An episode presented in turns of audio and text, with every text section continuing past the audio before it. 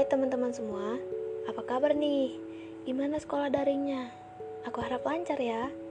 Nah, kali ini aku ingin membahas tentang Reduce Global Warming by Green Chemistry. Sebelum itu kalian harus tahu, CO2 itu apa sih? CO2 atau yang biasa disebut karbon dioksida adalah sejenis senyawa kimia yang terdiri dari dua atom oksigen yang terikat secara kovalen dengan sebuah atom karbon. CO2 ini memiliki manfaat sekaligus dampak buruk. Manfaatnya antara lain menjadi pengatur tingkat keasaman atau pH darah dan mendukung proses pernapasan manusia serta digunakan dalam proses fotosintesis tumbuhan untuk mendapatkan energi dan mengubah dalam bentuk gugus gula dan oksigen. Nah, kalau untuk dampak buruknya itu terjadi jika kadarnya terlalu tinggi.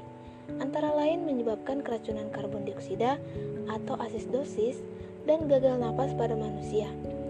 Sekarang, hubungan CO2 dan global warming apa ya?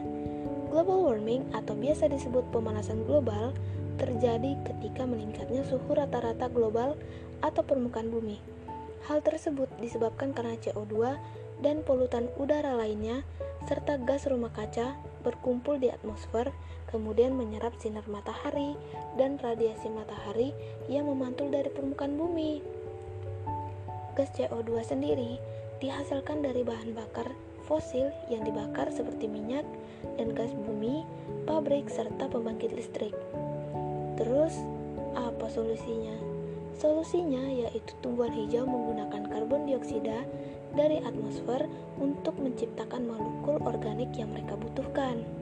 Tidak diragukan lagi, kimia berpotensi memberikan berbagai jawaban untuk membatasi emisi gas rumah kaca dan mengurangi kadar CO2 di atmosfer. Namun, beberapa di antaranya membutuhkan penggunaan energi dalam jumlah besar. Kalian tahu apa itu green chemistry? Green chemistry atau kimia hijau juga disebut kimia berlanjutan.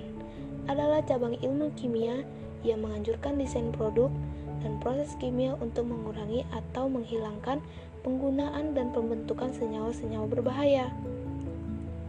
Green chemistry sangat berperan penting karena sangat efektif untuk mencegah terjadinya polusi. Lalu, kita harus lakukan apa dengan tumbuhan hijau?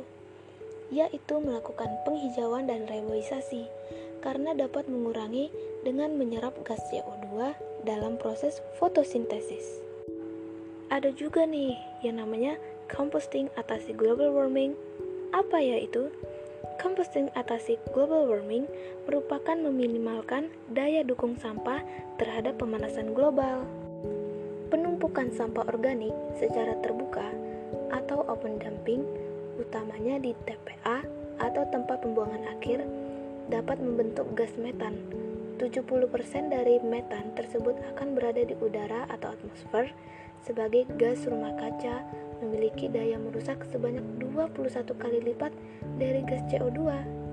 Gas metan tersebut mendukung atau menyumbang terjadinya pemanasan global yang diikuti perubahan iklim. Oleh sebab itu, sampah harus dikelola, jangan sampai menumpuk, agar tidak menimbulkan gas metan dan perubahan iklim dapat diminimalkan. Upaya ini dapat dilakukan dengan cara sampah dibuat kompos, melakukan 3R yaitu reduce, reuse, and recycle. Konsumen hijau, sampah diubah dijadikan bahan bakar, dan mekanisme pembangunan bersih. Nah, itu dia seputar global warming dan solusinya. Untuk teman-teman, thank you ya udah mau dengerin podcast yang mungkin nambah pengetahuan sedikit buat kalian. Sampai jumpa dari aku, Mika.